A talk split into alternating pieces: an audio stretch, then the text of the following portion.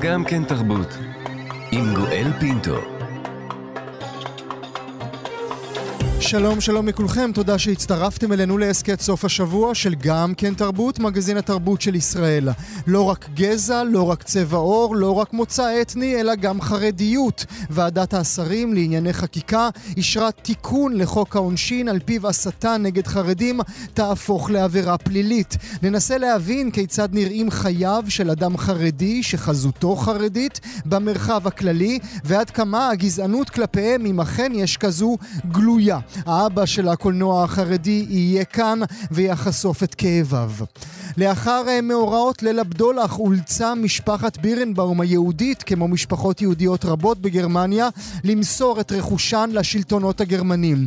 עכשיו, 85 שנים אחרי, מגיע אל צאצאי המשפחה המתגוררים ברחובות שגריר גרמניה בישראל ומחזיר להם חפצי אומנות שהיו שייכים למשפחה ואוחסנו במשך עשרות שנים במוזיאונים במינכן. נספר לכם את הסיפור המרגש הזה. נדבר גם אודות אולגה קונדינה ואנה לוקשבסקי, שתי אומניות, חברות הברביזון החדש שעושות חיל.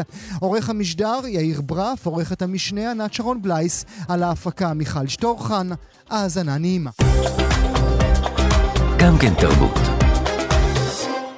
והנה אנחנו מתחילים מיד עם הנושא הראשון שלנו לבוקר זה. ועדת השרים לענייני חקיקה אישרה תיקון לחוק העונשין, תיקון שהביאו בפני הוועדה משה גפני ויעקב אשר, על פיו הסתה נגד חרדים תהפוך לעבירה פלילית ותיכלל בחוק נגד הסתה לגזענות. אנו עדים לתופעה מתרחבת, כך כתבו בדברי ההסבר שלהם חברי הכנסת ממפלגת יהדות התורה, של הסתה לגזענות כלפי האוכלוסייה החרדית.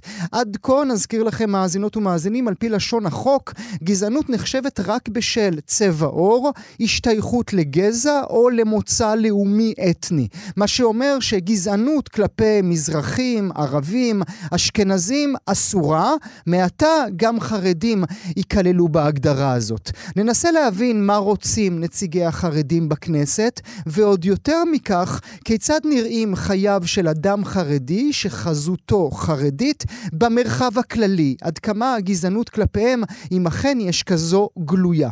נברך לשלום את האבא של הקולנוע החרדי, הבמאי והמפיק יהודה גרובייס, חתן פרס אורי אורבך לתרבות יהודית. בוקר טוב לך יהודה.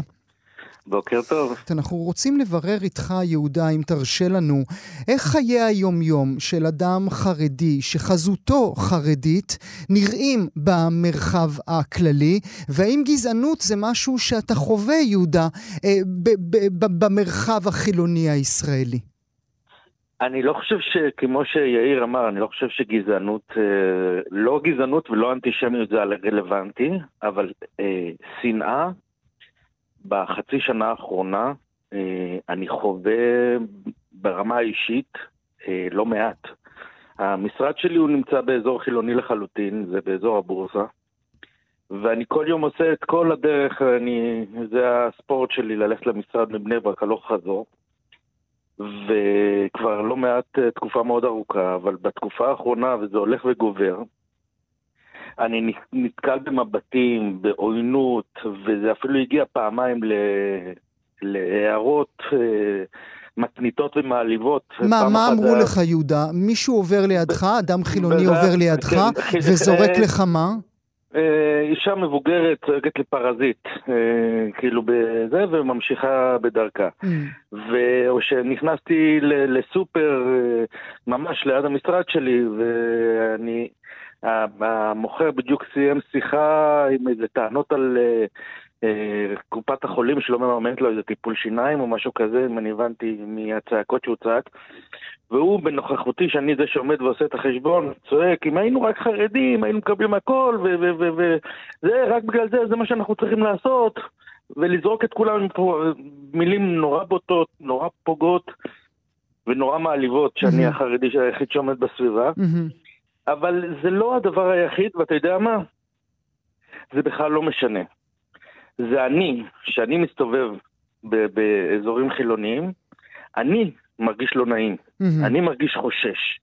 אז בוא נגיד, גם אם לא היה חושש שום... שמה, יהודה? חושש שמה? חושש, חושש שלא יפגעו בי. Mm. שלא יפגעו בי, כן. אתה אני- חושב שזה יכול להגיע למצב של פגיעה פיזית? חד משמעי, אני הייתי, אה, המשרד שלי נמצא ליד אה, פורום קפה שפירא. היציאה מה, מהחניון של המשרד שלי חייב לעבור דרך שמה. שבוע, ש... לפני שבועיים היה שם איזה הפגנה. הייתי נצור במשרד איזה שש שעות, אה, כי אני ידעתי שאם אני יוצא ומנסה לעבור ולפלס את דרכי, דרכי עם הרכב, אה, יכול... אה, אני יכול אה, לסיים את זה במצב לא טוב. Mm. היה איזה חרדי אחד שעבר בחולון בהפגנה וסיים אה, עם תפרים בבית חולים. מהמם. הכל קשור להפגנות, יהודה? אה, הכל, אה, זה, אני בכלל לא מדבר על ההפגנות. אני מדבר על האווירה הציבורית, אני מדבר על השיח בתקשורת, אני מדבר על, על הדברים האלו, משם מגיע הדברים. ושההפגנות קיבלו פתאום טוויסט אה, מ- מ- מהרפורמה המשפטית, מההפיכה המשטרית, איך שכל אחד איך שקורא לה, לכיוון החרדים והגיוס וה, והעבודה וכולי וכולי זה, וכולי. זה לא היה לפני שישה חודשים, יהודה? לא. לא, לא הרגשת לא את המבטים, לא את המילים ולא את הפחד לצאת מהמשרד. ממש לא, ממש לא. זאת אומרת, למרות, למרות שהדברים היו, הרי לא פתאום אנחנו, חוק הגיוס לא פתאום... כן, זה אה, לא שהיינו חברים הכי טובים נכון. לפני, אה, לפני Mm. חצי שנה. נכון, אבל רמת העוינות והשיח והשנאה הגיעה למקומות אה, שאני לא זוכר קודם. Mm. אתה חושב שהחוק זה, זה הפתרון? אתה חושב שלהכניס אתכם אל תוך נישה אה, אה, של גזענות אה, ישנה את המצב? בואו נחלק את זה לשניים. קודם כל התשובה היא לא. אני נגד החוק. אני חושב שזה... אבל שנייה אחת. היום אם אתה צועק מוות לערבים, אתה תשב, אתה תקבל כתב אישום, ואתה לא, יכול, לא, לא תוכל להיות אחרי זה חבר כנסת, או וכולי מהמם. וכולי. תצעק, תצעק מוות לחרדים, אז הכל בסדר. Mm. את אותם, את אותם מילים, אתה יודע, Mm. כאילו, אה, לאתיופים או לזה. אבל לחילופין, אז, אז אותו דבר, אתה אומר גם אה, להט"ב ול- ו- ורפורמים וכולי וכולי וכולי וכולי, ואתה צודק.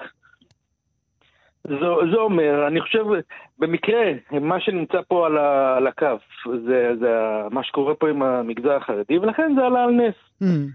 אבל אני חושב שאנחנו מכירים את אה, האכיפה במדינת ישראל. אז אנחנו יודעים ש, שזה רק עוד כלי ניגוח נגד החרדים. Mhm. זה רק יהיה עוד כלי ניגוח, אף אחד לא יממש את זה, ואף אחד לא, לא יתפעל את זה, ואף אחד לא, לא יוציא את זה לפועל, לפועל. ו- וכמו שאתה אומר, זה גם כשזה יגיע לבתי משפט, גם אם זה המשטרה תחקור והפרקליטות תציג כתב אישום, אז בית, בית המשפט, המגן השלישי של הדמוקרטיה שלנו, הוא זה שיגן עלינו במרכאות. אתה חושב, אה, או אתה מרגיש, יהודה, או אתה שומע גם מחברים שלך, מקולגות, מבני משפחה, משכנים, שהם חשים את אותה תחושות, אותן תחושות שאתה חש? חד משמעי, חד משמעי.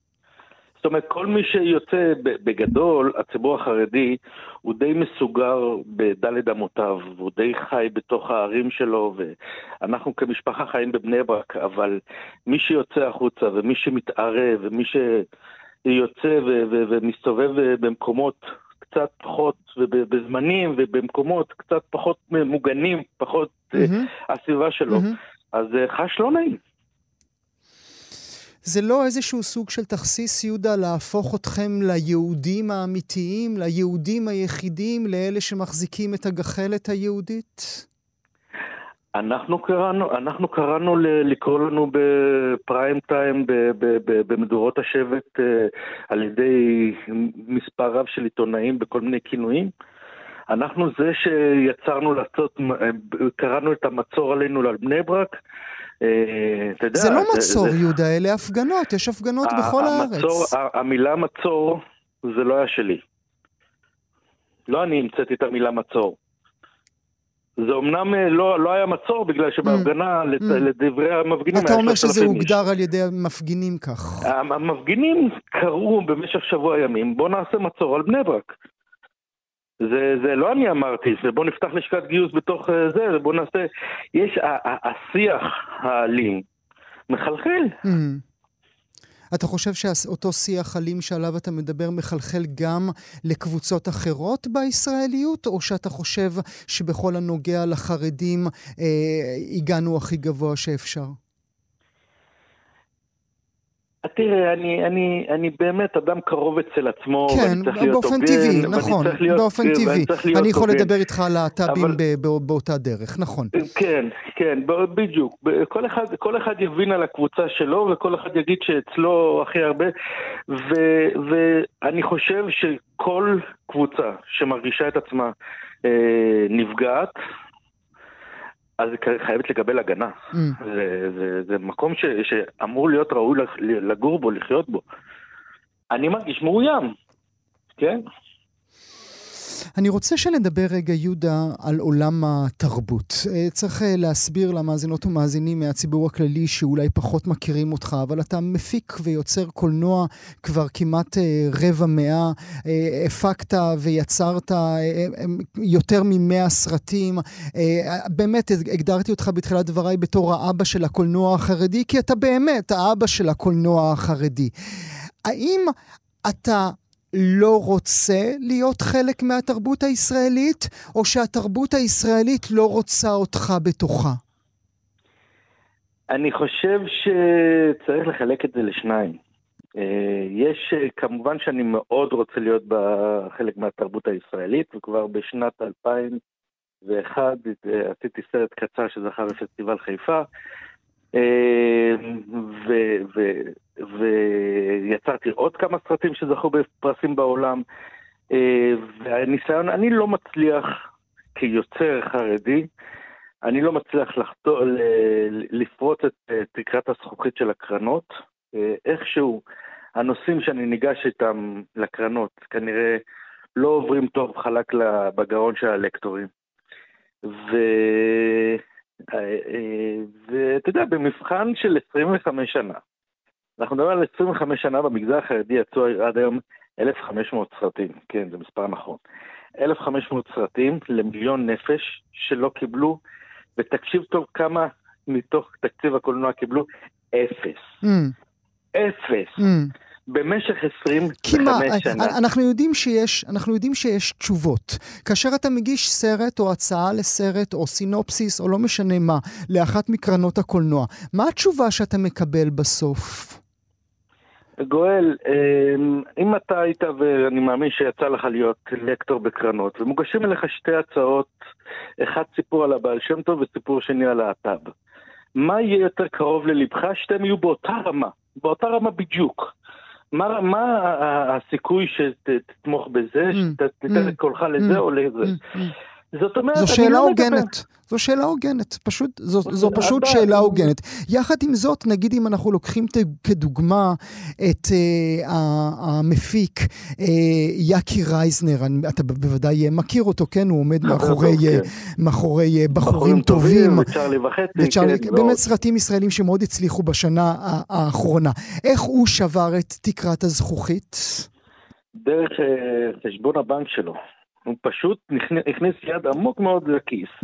הבן אדם הזה, אל הון, אל נדל"ן גדול מאוד, שהונו מוערך ב-400 מיליון דולר, אז הלך ושם 4.5 מיליון דולר על שני סרטים. אה, שבמקרה גם היה להם אפיל לציבור הרחב והכל עבד בסדר. רק לזה, כן. סרט אחד לא, צ'רלי, אוהב אותך צ'רלי, לא, לא הצליח. אה, כן, אבל בחורים טובים היה סנסציה. בחורים טובים היה, כן, סנסציה, בגלל שבאמת הביא משהו אחר ושונה.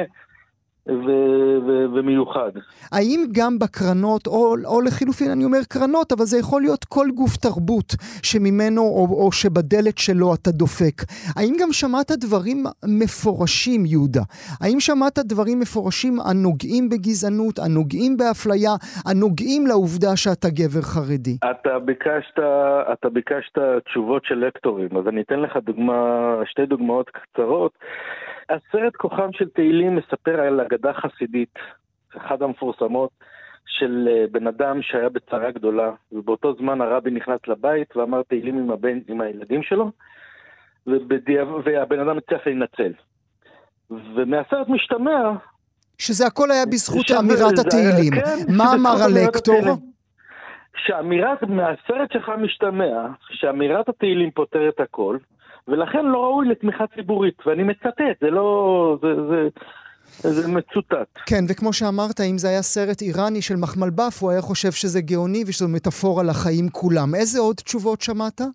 היה על הסרט האחרון ש, שעכשיו נמצא בתהליכי העריכה שצילמתי בפולין על הבעל שם טוב, אז קיבלתי שהסרט נראה שפונה רק לציבור החרדי והוא לא פונה לקהלים נוספים, לכן אה, הוא לא מתאים אה, לתמיכה מהקרן, או שראוי לפתוח אותו לקהלים נוספים mm-hmm. וכאלו. זאת אומרת, זה לא שהסרט מחורבן, זה לא שהתסריט כתוב רע, זה לא שהמבנה העלילתי, זה לא שהדמויות לא עגולות, זה לא כל הדברים האלה, אלא דברים הנוגעים ישירות לאמונה שלך.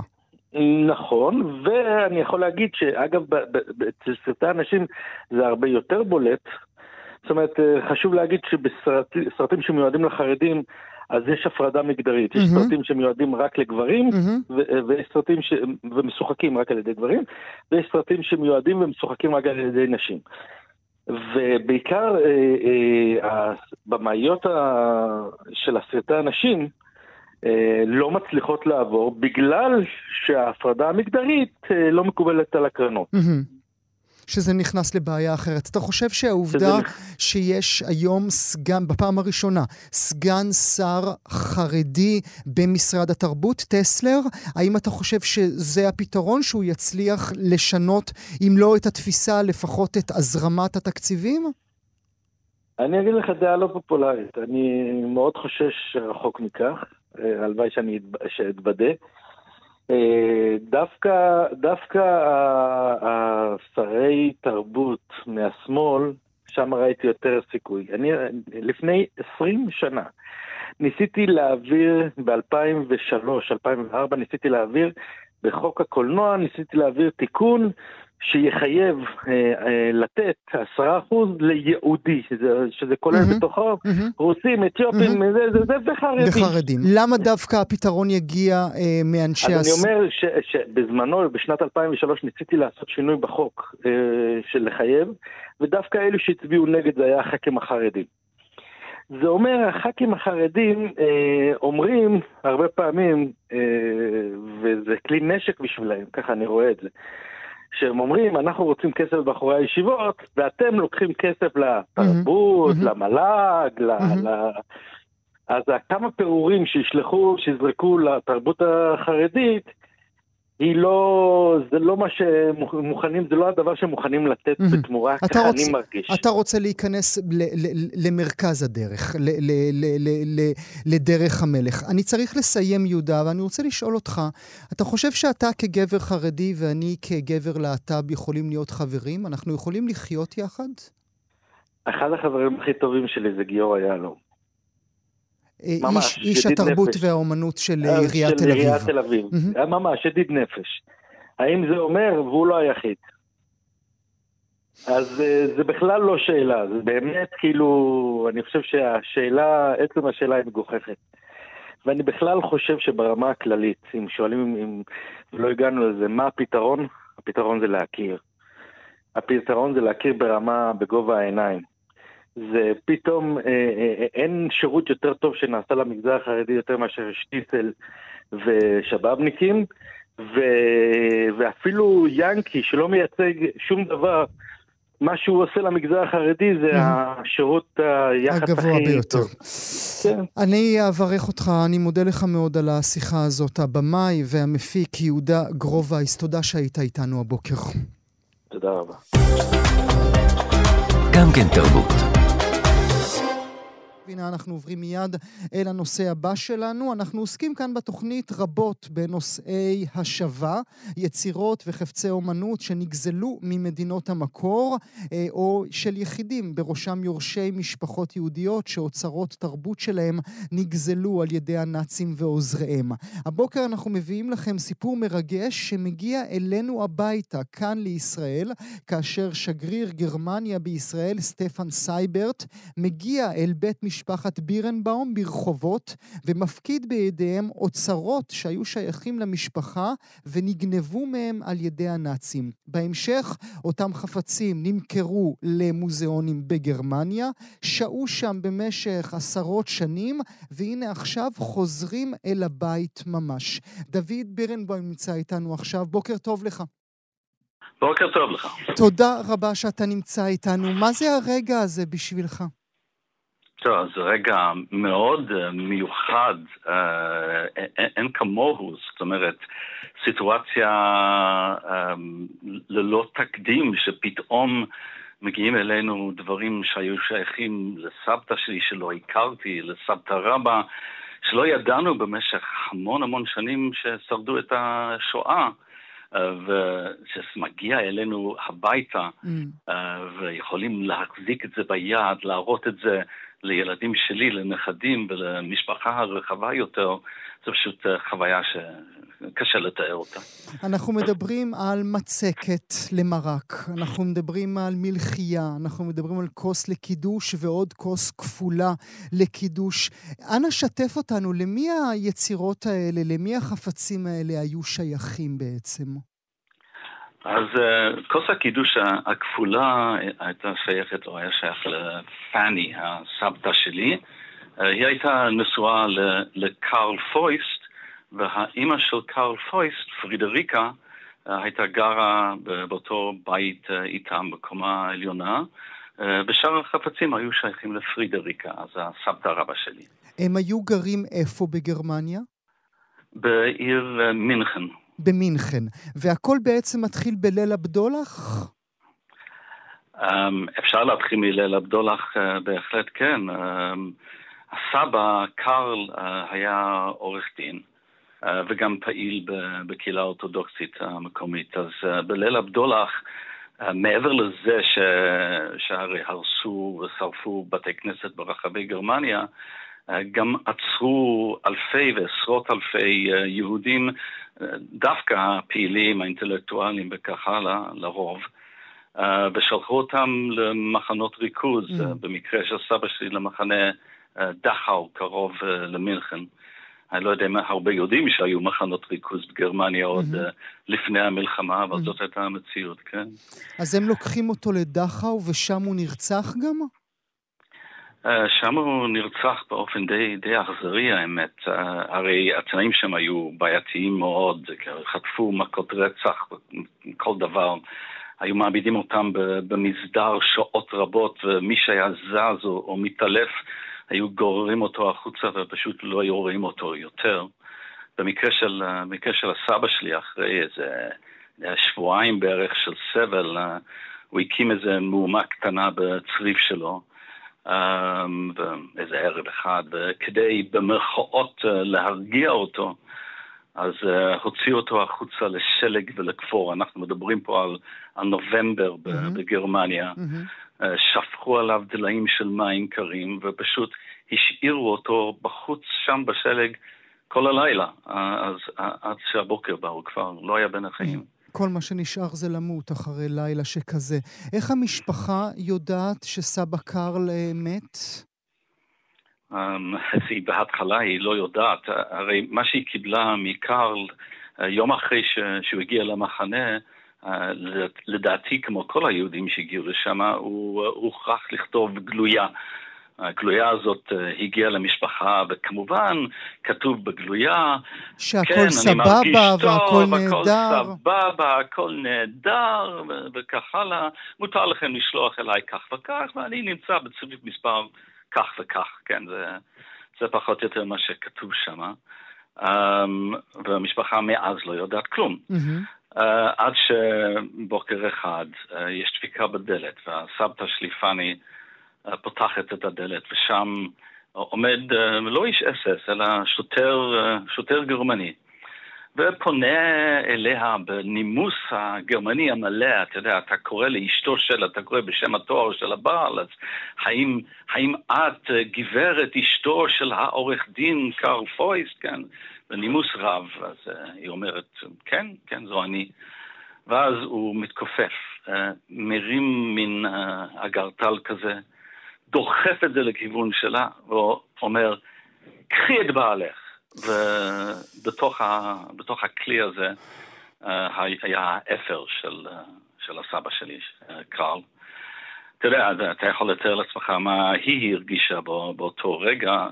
Uh, הצד, הצד האיכשהו טוב של, ה, של הסיפור הזה, שבניגוד להמון מנרצחי השואה, הסבא שלי עוד זכה לקבר ישראל, יש קבר במינכן ואפשר לבקר אותו. Mm. סיטואציה קצת, קצת אירונית, מכיוון שהאבא שלו, יוליוס, קבור שם, והיה לידו קבר מוכן לאשתו mm-hmm. פרידריקה. Mm-hmm. Uh, רק שפרידריקה הייתה בחיים שהבן שלה uh, נרצח, שקרל נרצח. אז הוא נקבר ליד האבא שלו, יוליוס. ליד האבא שלו. ומה כן. עלה בגורלה של פאני, אשתו והילדים?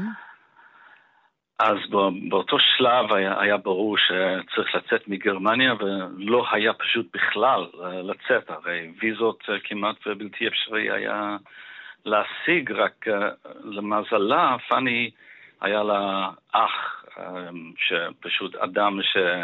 יקר ביותר ש, שהציל את רוב המשפחה בשם מרטין זולצבכן. וכבר בשנות ה-30 המוקדמות הוא שלח לאנגליה את אחיו פריץ להקים איזה בסיס משפחתי, שיהיה לאן לברוח, שיהיה. לאן אה, להגיע. אה, וכך לאט לאט המשפחה יכלה לצאת. פאני נשארה די אחרונה, היא שלחה את הילדים שלה, את האימא שלי ואת האחים, במרץ ובאפריל 39. בסוף הצליחה לצאת בשמיני לאוגוסט 39, זה סדר גודל של... זה הרגע האחרון לא, האחרון. ממש, ממש, 20, 20 ימים לפני שהמלחמה פרצה. והם חיו בלונדון. אז הם חיו ב- בלונדון, בהתחלה כולם, אה, בבית בצפון, בצפון לונדון. עם המשך הסיפור הוא עצוב מאוד. אה, בהתחלת הבליץ, כאילו המבצע הפצצות על, על לונדון, די בהתחלה, כאילו שבועיים אחרי, אמ, נפל פצצה די בודדת על האזור הזה של צפון לונדון, אה, והייתה פגיעה ישירה mm. בבית הזה. Mm. וכולם נהרגו. כאילו, חמישה בני משפחה בבת אחת, כולם קבורים בשורה אחת בבית קברות בלונדון, פשוט טרגי לגמרי. אז הם הצליחו לברוח מהנאצים, ובכל זאת הגרמנים הרגו אותם על אה, אדמת אה, אנגליה. מתי אתה מבין שיש חפצי אה, אומנות ששייכים למש... למשפחה במוזיאונים בגרמניה? בשלב מאוד מאוחר, ידענו, ש... ידענו שהחרימו את, ה... את הכסף, את חצי הערך, אבל כולנו חשבנו שהכל נשלח לברלין וזה הותח ופשוט הלך למאמץ המלחמתי הגרמני. אמ, אבל אני כעיקרון, התחביב שלי זה, זה משפחולוגיה כזאת, היסטוריה יהודית. אז מאז שאני, מאז שאני נער, אולי בגלל שלא היו לי סבים והתעניינתי מה, מה קרה עם הסבא וכך הלאה, אז התחילו להעביר לי כל מיני חומרים בגרמנית ואני מתאמץ לתרגם אותם מאז שאני נער. אז uh, נוצרו קשרים במשך העשורים עם הרבה מאוד אנשים uh, מסביב לעולם, um, חלק מהם הקים שיתופי פעולה. אדם אחד בשם ג'ורג' סקוני בארצות הברית, שיתפתי פעולה איתו על תרגום איזה יומן עתיק של איזה mm-hmm. קרוב משותף. אז הוא הכיר אותי והוא ידע שהמשפחה שלי במקור ממינכן. Uh, בינתיים, uh, במוזיאון הזה, במוזיאון הלאומי הבווארי במינכן, אותו אדם מוסרי וטוב, uh, מתיאס וייניגר, שידע על קיום הארון מלא חפצים mm-hmm. ורצה לעשות כל מה שביכולתו כדי להחזיר, להחזיר את זה למקורות. להחזיר את זה לבעלים, mm-hmm. אז הוא עושה בלשות ואיכשהו מצליח להגיע לרישומים שהגרמנים קיימו על מי נתן מה, mm-hmm. אז היה לו שמות של, של מי זה היה שייך, אבל איפה היורשים ומי הם, זה, זה סיפור. איך מגיעים לזה? אז הוא יוצר קשר עם אה, עמית שלו אה, למקצוע האומנות, אה, שבמקרה היא גם כן קרובה מאוד מאוד מאוד רחוקה שלי ולא מכירה אותי, בארצות הברית, והיא הפנתה אותו הלאה לג'ורג' סקוני, uh, וג'ורג' היה למשפחה שלו פריטים שמה, אבל תוך כדי הוא מרים דגל אליי ולמתיאס ואומר, חבר'ה, המשפחה של דוד גם במינכן, אולי יש שם פריטים. וכך כתבתי למתיאס, וכך התחיל הסיפור שאנחנו עובדים עליו אה, יחד, סדר גודל של אה, מעל שנתיים, mm. כדי אה, להגיע ל... לרגע המרגש הסופי. אני, אני כאילו רוצה לשאול אותך, מה היה מרגש יותר? הרגע שבו אתה רואה את הרישומים הנאצים, שבו כתוב את שם המשפחה של הסבים שלך, או הרגע שבו החפצים מגיעים אליך הביתה לרחובות? תראה, חייבים להודות על האמת. כן, ההתרגשות הראשונית, לגלות את זה, לראות שוואו, הנה משהו שהיה שייך לפאני או לפרידריקה, שעבר את כל המלחמה, לא ידענו עליו, נמצא במוזיאון, והנה הוא פה, מין כאילו דרישת שלום מסבתא וסבתא רבא, ש, שמדלג על, ה, על, ה, על הדורות ועל השנים ומגיע אליך. זה, זה רגע באמת מרגש ביותר, אבל אחר כך, השנתיים של העבודה הסיזיפית, אתה יודע, יש, אני לא היורש היחיד, צריך לקבל אישור מכל היורשים לייצג אותם, אחר כך בגרמניה, אישורים מכל מיני רמות mm. כדי לשחרר את הפריטים, אז כשזה קורה בסוף באמת, זה לא אותה התרגשות um, ראשונית, mm-hmm. אבל זו התרגשות אחרת. קודם כל, בני המשפחה עומדים מסביב, ואתה רואה את ה... את הנכד שלך מתעניין ומחזיק את החפץ, אתה רואה את ה, כאילו, ההיסטוריה המשפחתית זורם mm. הלאה mm. לדורות הבאים. מעמד מאוד מכובד ש, שמגיע לא רק מתיאס, צוות צילום, אלא גם כן שגריר גרמניה, זה לא... לא דבר של מה בכך, זה, mm-hmm. אני חושב, מייצג את הרצון הטוב כן. uh, לעשות, לעשות משהו לפחות. אתה אומר, uh, אתה אומר כן. רצון טוב, יש גם איזושהי תחושה אמביוולנטית שילכו לעזאזל, הם והדברים שלהם? תראה, זו שאלה מורכבת. אצלי בטח אין שילכו לעזאזל, כי אני חושב שלא לא מדובר באותם אנשים, כן? זה הנכדים של אלה, הבנים לפחות, של אלה שהיו פעילים בשואה, אבל אולי בתשובה לשאלה הזאת, ברשותך אני אצטט חלק מהדברים שאמרתי לשגריר גרמניה בטקס ההעברה.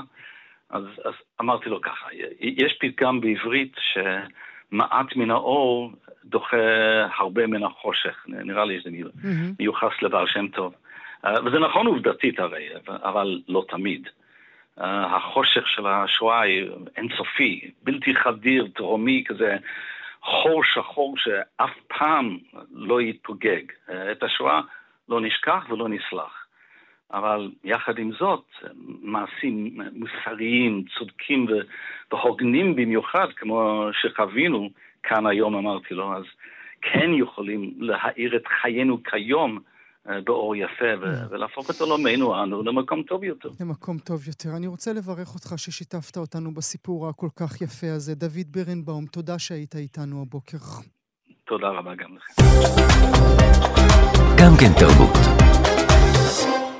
אנחנו מיד עוברים אל הנושא הבא שלנו. הן היו חלק מקבוצת הברביזון החדש, עולות, מהגרות, בנות מדינות ברית המועצות לשעבר, שביקשו להתבונן בישראליות ובתהליכים שמבעבעים תחת הרגליים של כולנו ישר בעיניים. ולא רק אומנות שתסתכל באנשי הרחובות, אלא אולי גם אומנות עבור אנשי הרחובות. העבודות שלהן מפעימות, בולטות, צבעוניות, לא מתייפייפות. היצירות האלה שלהן לא שמות שמות עבורנו רימל ורוז', הן פשוט מתעדות אותנו כפי שאנחנו באמת. העבודה שלהם הביאו אותן להצלחה רבה. אמש נערכה מכירה פומבית של יצירותיה של אחת, ועבודות של שנייה המוצגות בתערוכת יחיד בגלריה רוזנפלד היוקרתית. אני שמח לארח הבוקר את אנה לוקשבסקי ואולגה קונדינה. אנה, בוקר טוב לך. בוקר טוב, כהן, מה נשמע? תודה רבה שאת נמצאת איתנו. אולגה, בוקר טוב גם לך. בוקר טוב. ברכות, ברכות, ברכות לשתיכן. תודה רבה שאתן נמצאות איתנו הבוקר. אנה, נתחיל איתך. איך היה לך אתמול בערב? היה אחלה. מאה אחוז אה, מכירה. היה מאוד נחמד. זו מכירה פומבית ראשונה שהוקדשה כולה ליצירות שלך? כן, זה משהו מיוחד כזה, סוג של מחווה. נו, אז איך היה? ישבת מול המחשב? השתגעת? כן. עברת כל רגע, עשית רפרש במחשב? כן, איזה התרגשות. בתוכנה הזאת פית ספיריט וזה, וזה נראה מאוד מוזר כזה, פוטוריסטי. ואתה רואה איך אה, אנשים מצביעים וזה, ומתווכחים. זה כיף, אדרנלין. זה היה גם סוג של סגירת מעגל בשבילך? אה, באיזה מובן? שהנה, הגעת, הנה, הצלחת, את חלק מזה. אה, זה כן, כל התקופה האחרונה זה סוג של סגירת מעגל. פתאום, אה, פתאום, כן, אני מצליחה. את, את מחבקת את ההצלחה? את מבינה שאת מצליחה? בטח. Mm. כמובן, יש הוכחות של העולם ש, שאני בדרך הנכונה. מה זה כיף? את מבינה את ההצלחה, או לחילופין, למה הישראלים כל כך מתחברים ליצירות שלך, חנה? אה, אני חושבת שכן, שפשוט תפסנו איזה נישה שהייתה ריקה, של אמנות פשוטה מרגשת ו- ותקשורתית, ובגלל זה קיבלו אותנו, כי אנשים צריכים את האמנות הזאת. Mm. זה, זה, זה, זה קצת מוריד כשאת uh, מגדירה את העבודות הנפלאות שלך כפשוטה ותקשורתית, לא? טוב, האיכויות הפלסטיות, הציוריות, זה מובן מאליו. אבל זה שזה מדבר, מדבר ישירות, ולא עושה כל מיני חידות ואגדות, זה, זה עושה את זה לאנשים. יכול להיות גם, אנה, שבפעם הראשונה, אה, יחד אית, איתך, וכמובן עם כל חברות הברביזון החדש, ראינו את עצמנו בצורה אחרת? וואה, יכול להיות. יכול להיות, זה, זאת הייתה הכוונה. זאת הייתה הכוונה. זאת אומרת, מההתחלה כן. ידעת את באופן אישי שזה מה שאת רוצה, לשמש מראה, שאנחנו נראה את עצמנו? אפשר להגיד, וקראנו לעצמנו ריאליזם, ציור ריאליסטי, וזה מה שהוא עושה, כן. אני רוצה עוד רגע אה, לדבר איתך על נתון, אנה, שאת אה, סיפרת לנו עליו. אני מודה שהייתי בהלם. את דיברת על כך שבשנה האחרונה הגיעו לישראל 600 אלף אנשים. אה, האמת שהגזמתי כמו תמיד. זה בסדר, בשביל זה אנחנו אנשי תרבות ואומנות, ישר מגזימים, זה נשמע מצוין. אבל מלן אנשים, ונדבר על זה באמת בעוד רגע. אולגה, אני רוצה לחבר אותך לשיחה, גם את בהישג באמת מאוד מרשים, תערוכת יחיד חדשה בגלריה רוזנפלד היוקרתית. נדמה לי, אולגה, אה, לפני שתגידי לי איך את מרגישה אל מול התערוכה שיש עליה מחמאות מאוד גדולות, נדמה לי שאת עושה מין מהלך... קצת הפוך. נדמה לי שאת מתכנסת חזרה פנימה, שאת לא רוצה להסתכל עלינו, אבל זה את תגידי לי. אה, קודם כל, אה, תודה על המחמאות, לתערוכה. אה, משמח לשמוע. התהליך אה, הוא לא הפוך, אני לא חושבת שאני בגדתי בכל מה שעשיתי לפני. אני חושבת שאני פשוט פיתחתי עוד כיוון, אה, כיוון מאוד מעניין, ואני חושבת שאם לא הייתי ציירת ריאליסטית, פיגורטיבית, קלאסית, אפשר להגיד, עם כל הידע שלי, לא, לא הייתי יכולה להרשות לעצמי עוד חיפושים אה, יותר סוריאליסטים, יותר סימבוליסטים, כאילו כל האיסטים האלה, אז זה, זה בא באופן טבעי. Mm. זה לא בא ספציפי, אני לא ויתרתי על שום דבר. אבל אה, כן, איכשהו נכנסתי לעוד אה, חקירה אחרת, יותר פנימית, אף פעם לא עבדתי עם ה... האמוציות שלי, רפלקסיות שלי לחיים, אה, מה שקורה בעצם. אני הפרסונה שאני מקבלת השראה ממה שקורה איתי. Mm. אה, ובמיוחד בסיטואציה של סטודיו, אה, כל מיני מסיבות שפשוט באמת העולם שלי נהיה סטודיו וכל מה שמתרחש שם, ופתאום זה הפך לנושא. אז אה, אבל, אבל זה, אבל, קודם כל. זאת אומרת, אולגה, אני הולך רחוק מדי כשאני חושב שלא רצית להתבונן בנו יותר. כן, זה רחוק מדי. זה כן. רחוק מדי. כן, אני גם מתבוננת, אני פשוט, אני פשוט הכנסתי את עצמי לתוך התמונה. ובעצם נהייתי קצת מרכז לעניין. Mm. אני חייב להגיד שכשאני ראיתי בפעם הראשונה את העבודות האדומות שלך, ומאזינות ומאזינים, אם תיכנסו לאתר של רוזנפלד, תוכלו לראות מעט מהם, או לעמוד הפייסבוק של אולגה בעצמה, זה האדום הכי יפה שראיתם בחיים שלכם. לא ראיתם אדום כזה בחיים שלכם. מאיפה האדום הזה, אולגה? Uh, האמת, uh, זה צבעים נורא פשוטים, אקריליק uh, שקניתי פשוט בחנות ולא לא הסתכלתי כמה הוא עולה ומשהו. בנושא הזה זה פשוט צבע שאני חושבת שזה צבע פנימית יותר. Mm. אז, אז איכשהו מצאתי גוון שמתאים לי למה שאני מרגישה. אז אני חושבת שכולם אומרים לי שזה האדום הכי יפה שהם ראו, אבל זה הקריליק הכי זול שיש. יחד עם זה. זה אז זה מעניין שלצבע יש... אה, יש נפש. אה, יש נפש ויש משהו, אה, אנרגיה שהיא באה מהאומן שמשתמש מעניין. בצבע. אז, אז אולי צריך לקרוא לזה הצבע של אולגה. אולי, אולי, אולי, אולי מצאנו לו שם חדש. אולגה, בפעם האחרונה שדיברנו, שאלתי אותך על אימא שלך. דיברנו אפרופו המלחמה באוקראינה. סיפרת לנו שאימא הייתה ברוסיה. היא עדיין שם? היא עדיין שם, אני נזכרתי קצת בשיחה שלנו, באמת אז הייתה שיחה ב-17 לפברואר וב-24 זה התחיל.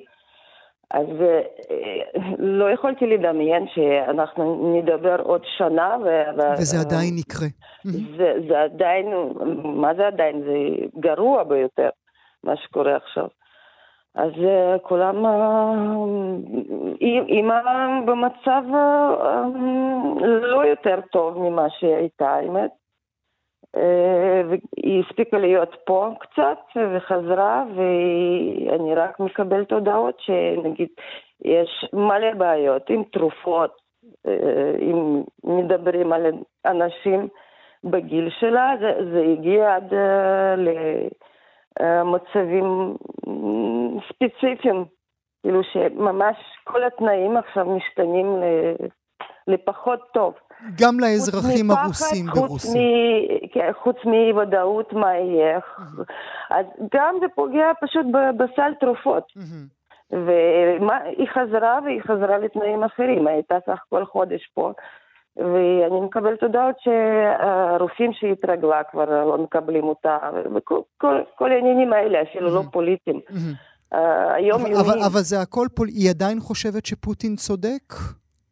היא אף פעם לא חשבה. סליחה, אני גאה באמא שלי, שהיא אף פעם לא חשבה. אוקיי. חס וחלילה. אז למה היא לא נשארה פה איתך? לא, היא דווקא...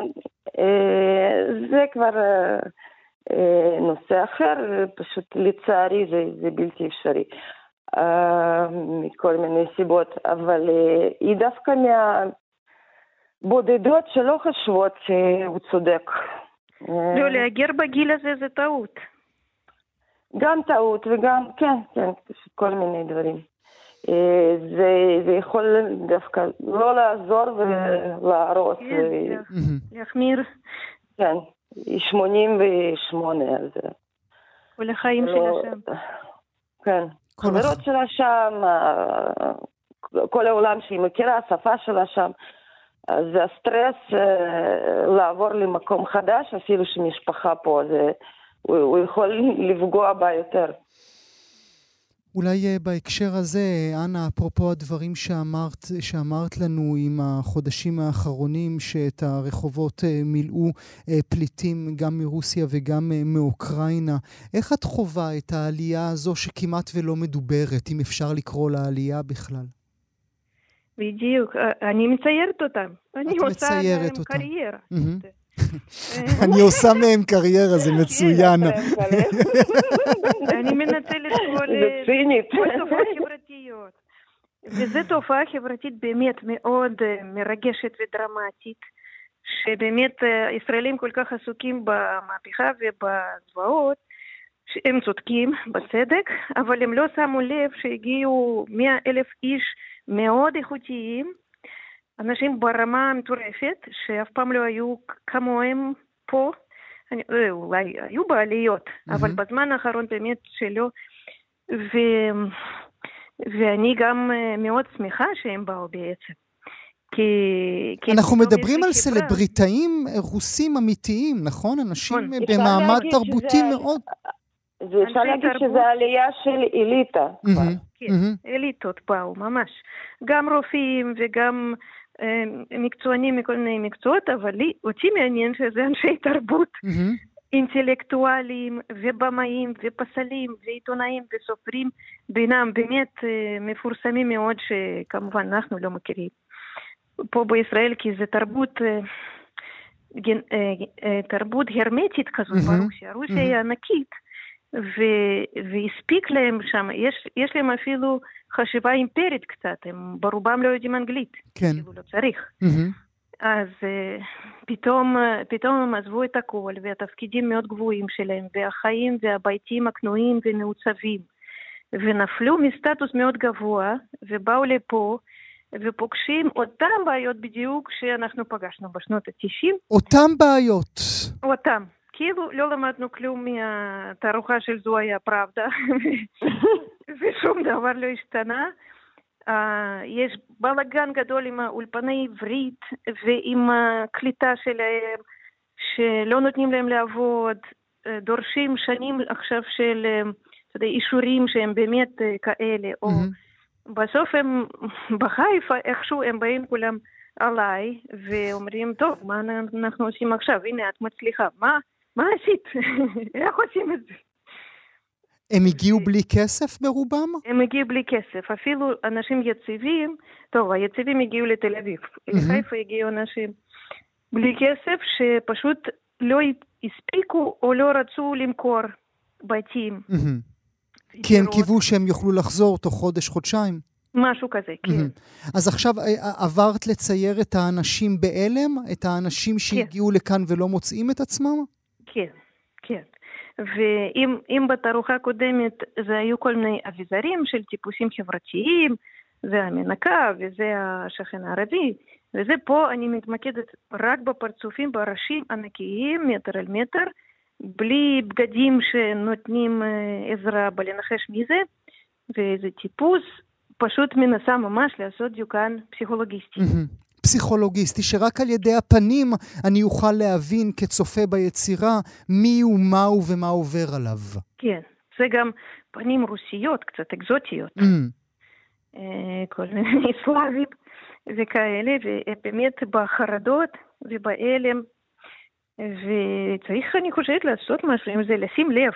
לשים לב. זה, זה גם, הפרויקט הזה זה סוג של אזהרה, כי עם מה שקורה, המון אנשים חושבים על לעבור, כן? לעזוב את הכל פה. אז אולי, אולי בסוף נהיה במצבם. וזה מצב נוראי, כי חלקם אה, הגיעו לא בגלל הגיוס או פחד, או זה, הגיעו אידיאולוגית, זה אנשים קדושים, ממש טובים, שלא לא מסוגלים לחיות במדינה טוטליטרית. כן, מדינה פשיסטית, לא. גם רואים רוסיה. וזה דורות של רוסים כאלו אריסטוקרטים, כן? אז משהו... זה שני תהליכים, מה שקורה פה ומה שקורה שם קשורים. זה החזיר אותך גם לעלייה שלך לפני 30 שנים? נכון, נכון. זה החזיר אותי להתחלה הזאת, הטראומטית, ו... ורק אני יכולה להרגיע אותם שהכל יעבור ותלמדו את העברית ותדברו כמו כולם והכל יהיה בסדר. רק שאני הייתי בת 20 והם בני 40. Mm. בעיקר, זה אנשים שמבינים כאילו מה הם עושים. בגלל זה הם, בגלל זה הם עזבו. אז אין להם זמן, ובקיצור... קל זה לא. אולגה, טרגדיה. אולגה, איך את חווה באמת את הטרגדיה הזו שאת רוצה להתכנס ממנה? אה, אה, קצת שאלה חדה מדי, אה, מעבר חדה, אני פשוט כל כך הקשבתי למה כן. שאנה אמרה, אז ממש נכנסתי לתוך המחשבות האלה. אה, זה, קודם כל מה שהיא סיפרה, זה טרגדיה של כולם, ובאמת אנחנו חווים את זה יום-יום, כל התקופה הזאת של מלחמה. אה, ואם אתה מדבר על הסיפור שלי, למה נכנסתי לסטודיו, אז אה, אני לא יכולה להגיד שזה סיבות uh, טרגיות יותר מדי, זה פשוט כל מיני סיבות ומסיבות. Uh, גם פתאום uh, הבנתי שסטודיו זה יכול להיות מקור השראה. אה, ככה זה קרה, והתחלתי לצייר אותה, וקרה אה, עוד אה, משהו שיום אחד מצאתי מראה. ושמתי אותה באמצע, וזה שינה לי אה, את כל, כל ה vision של, mm. של החלל, זה כאילו להכניס עוד מכלול, עוד... אה, אה, ועוד משהו מיסטי כזה לת, לתוך מה שאני מכירה. אז הקסם של המראה זה, זה שהוא גם uh, שואב פנימה וגם משקף החוצה, mm-hmm. זה, זה, זה פשוט עוד מימד מאוד מאוד חזק שנכנס. אפשר להגיד שזה מימד סוריאליסטי, ואני חושבת שדרך זה אני קצת uh, הפכתי להיות ציירת סוריאליסטית. כן. מ... Uh, אז uh, זה באמת שילוב שלי, אני עדיין מציירת את החלל של הסטודיו שלי, אפשר לגלות ולזהות אובייקטים שאני מציירת שם וחוזרת אליהם, אבל אני פתאום הרשיתי לעצמי גם uh, להוסיף דברים מדמיון, mm-hmm. מרגש, מאיך שאני מרגישה, איך שאני חווה את הדברים. נגיד, הראשים האלה של אפרודיטה ו... המיתולוגיה. כן, מיתולוגיה. פתאום פיתחתי שיחה איתם אישית, כאילו. מה אמרת להם? מיתולוגיה שלי. אז התחלתי לדבר איתם, זה לא סתם שיחות עם אפרודיטה. כי זה גם סמל של היושי הקדום. אנחנו גדלנו על זה, כל, כל, כל צייר שבא לאקדמיה, או רוב הצעירים, זה פשוט אה, אה, היה שלב אה, בלמידה, כאילו זה היה חפץ כמו גרטל, כמו כאילו חלק מטבע דומם שלמדנו עליהם, מה זה פרופורציות, מה זה... אה, חוקים הורמונים וכל זה. אבל חוץ מזה, גם אלת, אלת האהבה. Mm-hmm. אז, אז שני הדברים האלה פתאום התחברו ביחד. והתחלתי לדבר איתה בכל מיני רבדים. אני כאילו גדלתי מקלאסיקה ופירקתי את הקלאסיקה. מעניין. אז אני הייתי קצת פוטוריסטית. אולי uh, לסיום, אני רוצה לשאול את שתיכן, uh, אנה, נתחיל אולי איתך. את כבר מרגישה חלק מהתרבות מה, uh, הישראלית? את מרגישה חלק מהאומנות הישראלית, או שאת, אנה לוקשבסקי, עומדת בפני עצמך יחד עם החברות שלך? הנה, הרוסים האלו נתנו לי להרגיש שאני חלק מנציגה של תרבות ישראלית בכלל. ואנחנו עדיין עומדות בצד. פחות מזמינים אותנו לתערוכות קבוצתיות כי הצעירים היו בולטים מדי, כאילו משהו אחר לגמרי. אבל כן, יש כבוד ויש הצלחה והכל בסדר, וגם האמנים בעדנו, שזה הכי חשוב, כן, הסביבה הארטיסטית עצמה. משל עצמכם. שזה כן. מעניין, המבט הוא כפול, נכון, אנה? הדרך בה הישראלים מתבוננים בך, והדרך בה העולים החדשים מתבוננים בך. כן, אפשר להגיד, כן. זה שתי עולמות כאלה. שהמבט הוא 180 לגמרי. אולגה, איך את עם התחושה הזאת? אה, אני חושבת שאנחנו פועלות כבר 11 שנה, וזה לא היה פשוט. בהתחלה באמת אה, הסתכלו עלינו, כאילו, מה אתם עושים? זה ציור מזמן מת. עם הזמן כן. הוכחנו את עצמנו, ועכשיו אנחנו מגלים שבבתי ספרים, בבגרויות, אה, לומדים עלינו בבצלאל, בכל מיני, בתל חי שאני לימדתי. אנחנו נכנסנו ממש לסצנה אומנותית ישראלית וגם אפילו לסוג אה, של למידה פה, ב, כאילו, mm-hmm. בתולדות האומנות, אנחנו ממש תפסנו שם חלק מאוד מאוד משמעותית, אני חושבת, שגם אה, השפענו על מלא אנשים שהתחילו פתאום לצייר, ויש לנו פוסט ברביזונים. כן, שהעזו לצאת מהארון אפילו ולצייר כמו אה, הברביזניות. נכון, נכון, אני חושבת שדווקא השפענו על מה שקורה פה, ואנחנו מושפעים כמובן גם. אז זה הדדי. איך עכשיו קוראים לסגנון ציור הזה? ששואלים אה, פה את כן, הבנות, מה אתם צעירים? אה, ברביזון. ברביזון. איזה יופי של הגדרה, איזה כבוד עבור שתיכן. טוב, אני רוצה להודות לכן מאוד על השיחה הזו. אנה לוקשבסקי ואולגה קונדינה, נזמין אתכם כמובן, מאזינות ומאזינים, אה, בגלריה רוזנפלד, תערוכת יחיד משגעת של אולגה, ואת המכירה הפומבית של היצירות של אנה, הפסדתם, יהיו אחרות. אנה ואולגה, תודה שהייתם איתנו הבוקר. תודה רבה לך. תודה רבה.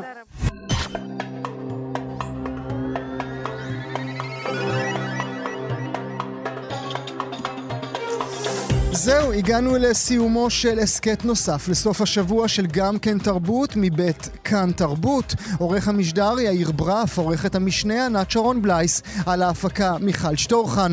תודה שהייתם איתנו. עד הפעם הבאה, להתראות.